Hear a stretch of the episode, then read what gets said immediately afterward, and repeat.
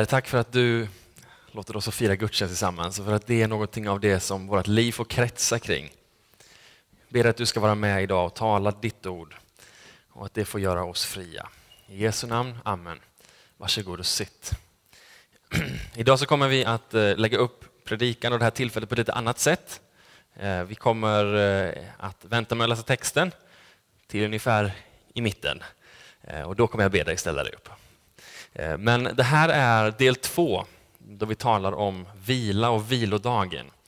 Och första var för två veckor sedan och därför kommer jag att ägna en stund nu åt att tala lite grann summerande om vad det var jag sa då för två veckor sedan. Och sen kliver vi in i, i det som är dagens tema, att fortsätta i vila. Men det är också så att jag eh, hoppas inte bli alltför långrandig idag, utan att vi eh, delar den här predik och tillfället med, med eh, Daniel Nilsson och med Pia Antonsson där vi ska ha ett samtal lite grann kring att vila och hur, eh, hur man kan tänka kring det. Och Det hoppas vi kommer bli en, en, en viktig del som vi kan ta med oss och få, få dela de här erfarenheterna tillsammans. För eh, två veckor sedan så talade jag om sabbaten och, och, och då läste jag den här första delen i Bibeln där Gud talar om att han skapade människan. Han skapade djuren och han skapade människan och efter att han hade skapat allt detta så lutade han sig tillbaks i sin goda fåtölj och så vilade han. I det här så fick människan tre bud. De här tre buden eh, vill jag försöka säga är inte de, de hårdaste buden, men det är viktiga bud. Det ena handlar om att föröka sig och att uppfylla jorden föröka sig och uppfylla jorden. Och det andra det handlar om att råda och ta hand om skapelsen. Och det tredje handlar om att vila på den sjunde dagen och att helga den dagen. De här tre delarna. De här delarna är inte alls i motsättning till varandra utan bygger varandra. Men man måste förstå hierarkin för att det ska kunna bli liksom en välsignelse utav det. Jag ville säga två stycken saker utifrån det här vila. Att vila, vad, vad, är det för någonting och att, och att vila den, den sjunde dagen? För det första så vill jag säga att det handlar om någon form av liksom efterföljelse. Att kliva in i någonting som Gud är. Jesus, ni vet, kallar Petrus på stranden och säger kom och följ mig. På samma sätt gör Gud här i början. Början i skapelsen säger han kom och följ mig, gör som jag gjorde. Jag skapade under sex dagar och arbetade under sex dagar. Och på den sjunde dagen så vilade jag. Kom in och lev i min rytm, säger Gud. Kom in och gör som jag gör, för du är skapad till att vara min avbild. Och därmed mår du också bäst att leva på det sättet. Jesus talar mycket om sabbaten och det är som att han liksom bryter och bänder hela tiden med vad sabbaten är för någonting. Och sen så i Markus evangelium så står det att det är inte så att, att sabbaten är till för, det är inte så att människan är till för sabbaten utan sabbaten är till för människan. Det är alltså inte så att vi gör någonting för Guds skull i det här, utan vi gör någonting för vår egen skull. Det här är en princip som Gud har skapat människan så att vi kan få må bra i det här. Det vill säga oavsett om du är troende eller inte troende. Oavsett om du har satt din fot i kyrkan och har läst Bibeln hela livet eller om du inte har gjort det så mår man bra av den här rytmen. Att få finnas i sex dagars arbete och en dagars vila. Det finns någonting liksom i oss som mår bra av det. Och jag vet inte, det kanske inte är för intet att typ hela världen känns det har lite grann den uppdelningen. Att vi jobbar i veckodagarna och så, så vilar vi på helgen. Vart man än kommer så finns ju den här rytmen och det är ganska stort att det här är en del av självaste skapelseberättelsen. Den andra delen som jag ville säga om det här, eh, det var att det är inte bara så att vi får budet att vila för vilans skull, utan vi får budet att vila för arbetets skull. Det vill säga vi tar och kliver in i vilan och vi ser vårt arbete genom den vilan. För det finns ju saker i våra liv som kan ta överhanden. Vi är kallade till att föröka oss, Och, och, och det där är ju allt det familjära. Det är ju välsignelse med äktenskapet, det är en välsignelse med barn, det är en välsignelse med hus och det är en välsignelse med allt det där. Va? Det är fantastiskt. Men det finns också en del av det som när det får för stor betoning, då kan det bli fel. Det kan till och med bli någonting som Bibeln kallar för en avgud, någonting som får en för hög plats och tar Guds plats i, vår liv, i vårt liv. Och på samma sätt kan det vara med vårt arbete. Vi ska vårda vår skapelse, vi ska värna den och ta hand om den. Men det är också så att det kan bli någonting som tar för stor del av vårt liv, som får fel plats och fel proportioner. Och då kan det bli det som så att säga äger våra liv. Och därför får vi tre bud, men det är tydligt vilket av buden som är störst, därför ett av buden ska helgas, det vill säga ska bli överställt de andra. Det vill säga, det är viktigare för dig att vila än att bygga din familj. Det är viktigare för dig att vila än att arbeta. Varför? Jo, därför att genom den här vilan så tar vi ett steg tillbaks och inser att de andra två sakerna gör vi tillsammans med Gud. Efter att ha hållit på med matlagning och barnhämtning liksom, och alla de här sakerna som är liksom familjesnurren. En dag i veckan tar vi ett kliv tillbaks och säger, det är inte jag som har fixat allt det här. Det är inte jag som har, som har gjort allt det här. Barnen kanske har mitt DNA, men allt detta är givet mig av Gud. Det är han som har skapat den här veckan, som har jobbat tillsammans med mig. Det är inte så att jag har klivit in och gjort det här själv, utan Gud är medskapare med mig och jag kan vara medskapare med honom och vi jobbar tillsammans med den här brokiga och jobbiga familje, eller brokiga och välsignade familjesituationen. Och på samma sätt med arbete, fast där går det ett steg till nästan. Att när vi kliver in i arbetet så kan vi verkligen tro att när vi får pengarna den 25 så är det vi som har gjort oss förtjänt av de pengarna. Det är ingen annans pengar för vi har hårt slitit för de här pengarna. Vare sig man gillar sitt jobb eller inte gillar det så vet man att man själv har jobbat ärligt för att få de här pengarna. Hoppas jag i alla fall. Men det Gud lär oss där, det är att han säger ta ett kliv tillbaks. Inse att den här veckan, allting det du, som har, allt det du har använt och arbetat in i, har Gud givit dig. Din kraft, ditt intellekt, allting det som du har, har du en gång fått av Gud och han har arbetat tillsammans med dig. Och du får än en gång kliva in och vara medskapare. Och då i samhället när man levde ur hand i mun så var sabbatsbudet ett bud att kliva tillbaka och inte göra någonting en sjundedel av all den tid du tidigare jobbade. Och budet är, gör ingenting den dagen. Men hur ska jag få mat? Och där är budet, lita på mig. Det finns alltså en dag i veckan där inte vi jobbar tillsammans med Gud, utan där Gud jobbar för oss. Och han lovar att göra det. Sen så såg jag till att ta den här texten och sen så la jag en annan text ovanpå den. En text ifrån andra Mosebok som handlar om uttåget ur Egypten, hur Gud kallar Mose att tala till farao och säga släpp mitt folk. Vi ska gå hem till vårt land och vi vill fira gudstjänst i öknen. Och farao säger nej.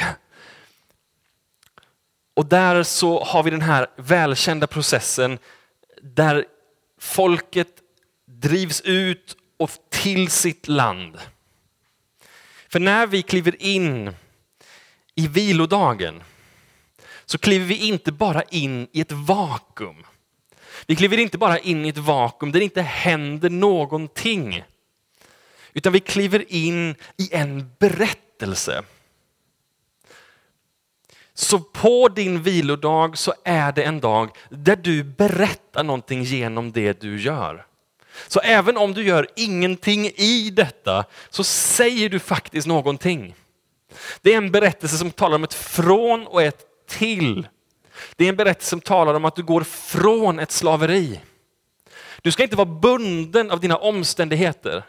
Du ska inte vara bunden av vare sig din familj eller ditt jobb. Du ska inte vara bunden av någonting i ditt liv. Utan du är kallad ut ur slaveriet och till det förlovade landet. Det finns en framtid där borta som väntar dig och Gud kallar dig till den framtiden tillsammans med sitt folk.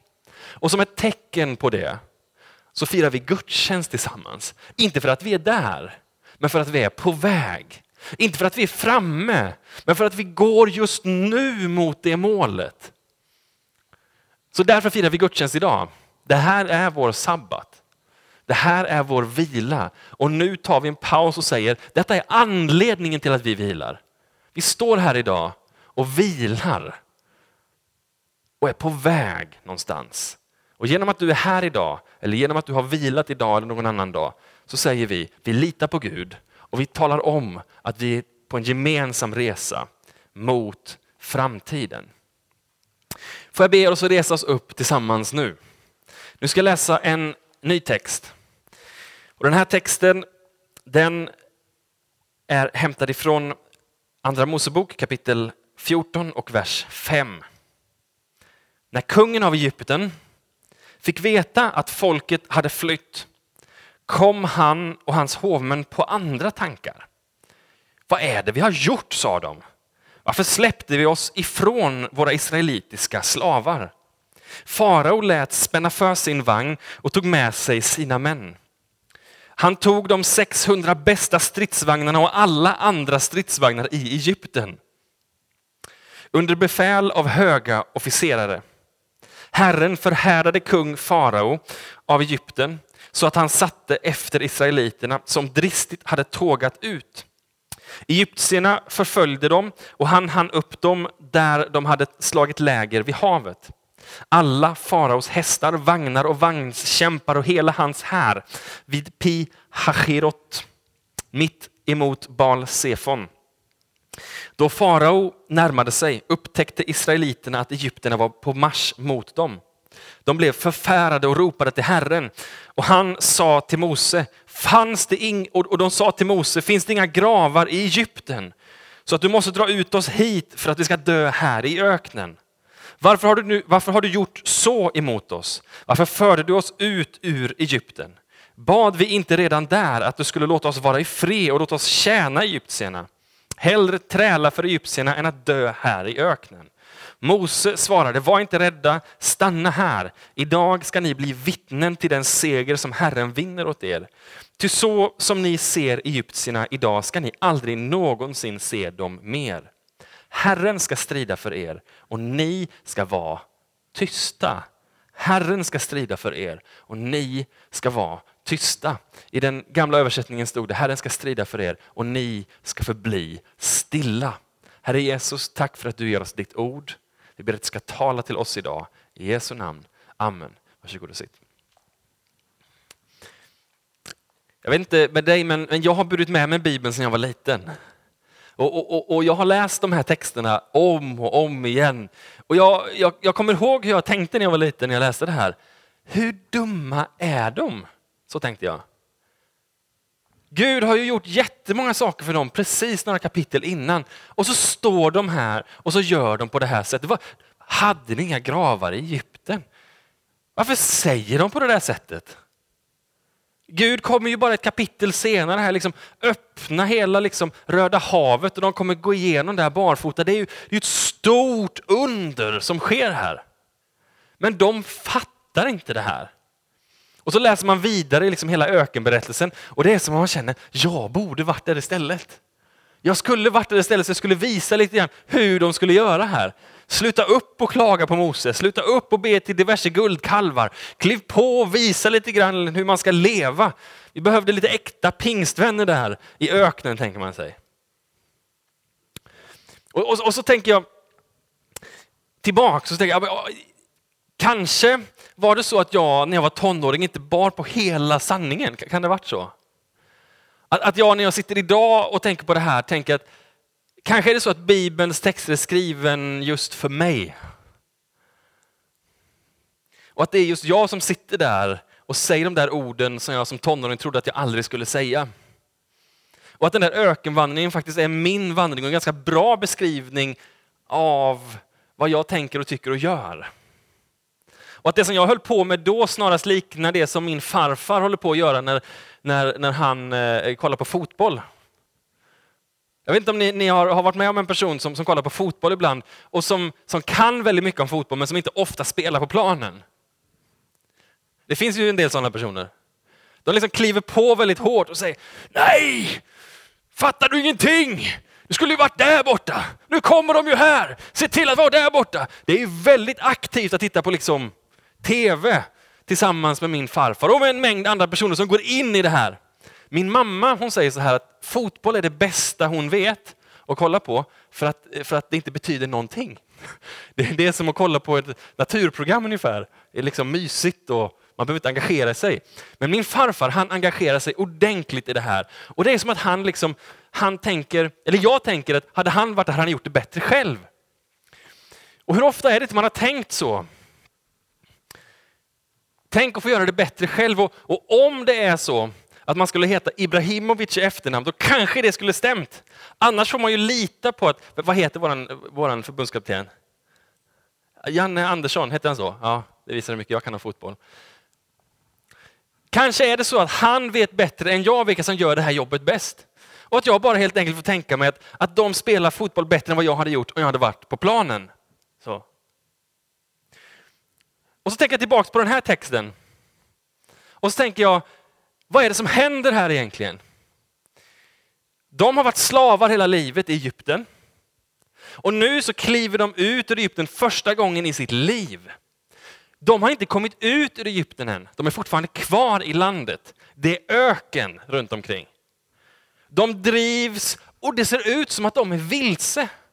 För helt plötsligt så står de vid ett stort hav och de har inget sätt att komma över det här havet. Och när de står där så kommer deras gamla slavdrivare och pressar på från andra hållet.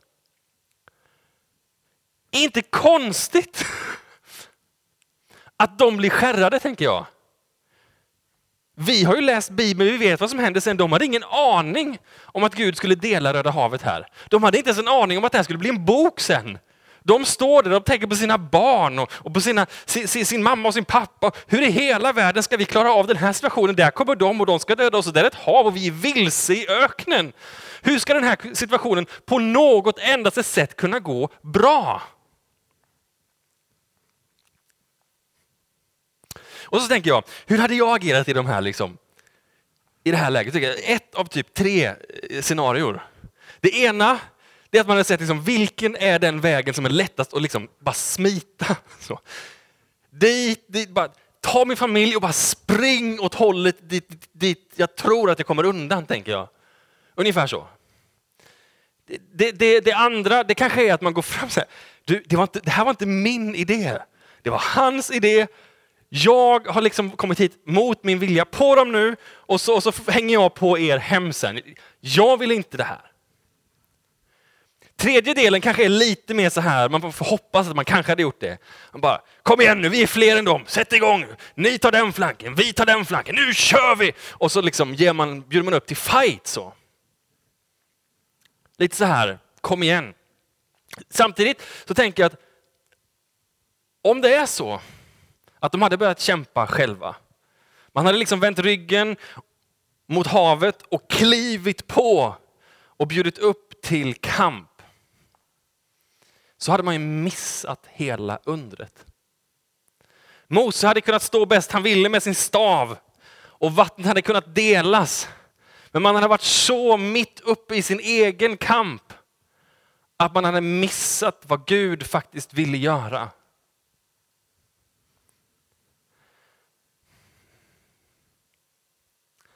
Så Gud säger genom Mose, Herren ska strida för er och ni ska vara stilla.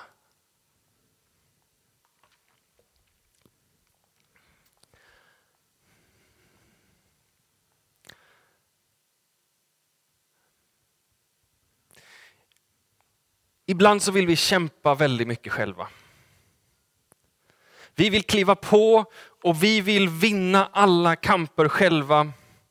Och vi inser inte att det här är ett tillfälle att låta Gud jobba för oss. Och jag skulle vilja säga två stycken saker om just det här. Det ena är att det här är någonting där övning ger färdighet. Man litar inte på Gud om man inte har övat sig i att lita på Gud. För två veckor sedan tog jag det här exemplet, att du kan vara fri till någonting och du kan vara fri från någonting. Om jag säger till dig att du är fri att spela piano, men du inte kan spela piano, hur fri är du då att spela piano? Det kommer låta som en kråksång hur du än anstränger dig, för det sitter inte i din kropp. Men om du däremot i år efter år har klivit in en speciell tid och har övat på det här, så kan jag säga att du är fri att spela piano och du sätter dig vid pianot och det låter vackert. På samma sätt handlar det om att lita på Gud, tänker jag. Att vi behöver öva på att lita på Gud. Och det är lite grann poängen med att kliva in och ge en regelbunden vila. Att faktiskt inte låta det här bli slumpmässigt, utan att låta det här vara någonting där man planerar. Därför att vila ligger väldigt nära tro, märker ni det?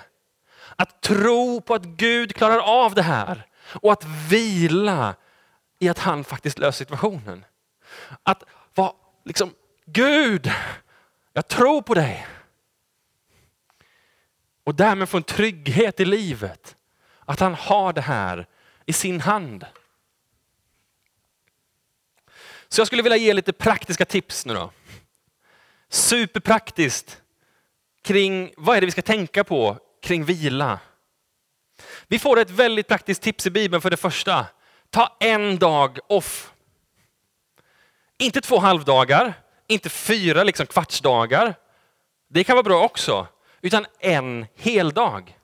En dag i veckan då du inte arbetar utan då du litar på att Gud håller dig i din hand. Det är inte chefen som styr dig den dagen.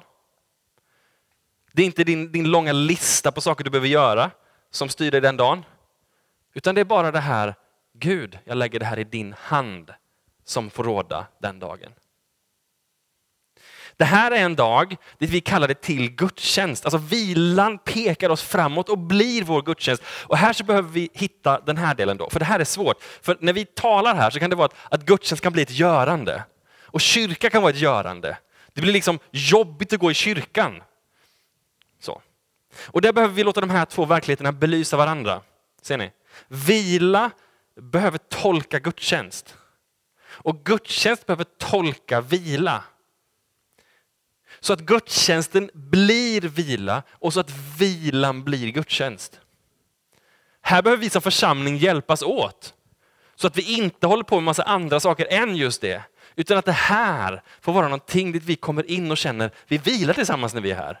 Vi fäster blicken tillsammans när vi är här. Vi kommer hem och är tacksamma för att vi har varit här, inte superdränerade. Se till att sätta av en dag som ingen annan styr över än du och Gud den dagen. Det andra jag skulle vilja säga om den här grejen är att vila måste få styra arbetet och inte arbetet din vila.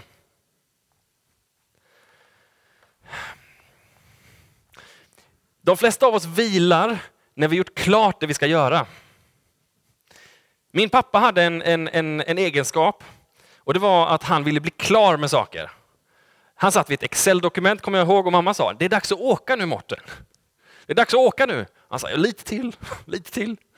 Jag måste bara bli klar med de här siffrorna, lite till. Det är dags att åka nu, vi kommer för sent. Lite till. Och jag såg ju det där med pappa och jag skrattade, jag stod bakom och jag skrattade för att han kunde inte släppa det för att det var en sån tillfredsställelse att bli klar med någonting. Eller hur? Och till mitt förtret så har jag märkt att jag har ärvt den grejen. Jag står där och jag åker inte hem förrän det att jag är klar med det jag ska göra. Och så ringer Linn mig. var är du någonstans? Mm, jag ska bara fixa mitt Excel-dokument. Och så tänker jag på pappa. Och hur han höll på där. va. Och hur jag är likadan. Och hur det faktiskt visar någonting i mitt liv. att jag prioriterar det här Excel-dokumentet mer än min fru. Här behöver vi hitta ett sätt så att vilan definierar arbetet, inte arbetet vilan. Är ni med? Det är inte så att vi vilar när arbetet är slut, utan vi vilar och ser arbetet som att det är Guds. Det är den andra delen. Den tredje delen handlar om att lära oss tolka livet genom det här. Att när vi vilar, vad är det vi gör då? Jo, vi är med och ser vårt liv på ett nytt sätt, att livet är Guds. Men det är också så att det vi gör är att kliva in i en berättelse och vi vet vart den berättelsen riktar oss, eller hur? Den riktar oss framåt. Framåt mot vad då? Framåt mot himlen. Så när du vilar ska inte du ha tråkigt. När du vilar ska du skapa en bit av himlen där du är. Är du med? Du kliver in och du gör någonting på din vila som talar om vad du kommer göra i evigheten. Ha fruktansvärt roligt. Se till att det här är någonting som du är skapad till för. Gör någonting som skapar energi och glädje och som visar på din framtid. Det här är någonting som ska kasta både din blick och alla de som finns runt omkring dig, deras blickar framåt och visa på vart vi är på väg. För vi är inte i ett vakuum, vi är på väg mot en framtid. Okay, det här är den första delen, de praktiska tipsen. Det andra då, det handlar om att tro och vila är synonymt det som jag sa tidigare. Och om vi får in det här i vårt liv kommer vi kunna möta alla motgångar på ett nytt sätt. Vi kommer se att genom att vi lärt oss och tränat oss att se Gud genom alla situationer, så kan vi också möta alla situationer på ett nytt sätt. När du har ekonomisk kris i ditt liv, vad händer då? När det finns situation som du inte kan lösa som är ohållbar. När du inte har arbete. När det är panik på jobbet eller när du står där i familjesituationer och det finns situationer där du är trängd från alla håll. Då du känner precis som du stod där i Egypten, eller hur? Du står där och du har Nilen bakom, du, du har farao framför dig. Att då inte kliva på och kämpa i egen kraft, utan att vända blicken till den här texten och säga, Herren har sagt till mig att han ska strida för mig och att jag ska vara stilla. För det finns fighter då du och Gud ska kämpa tillsammans. Då du och Gud ska kämpa tillsammans mot en riktning. För det är inte så att han gör allting åt oss.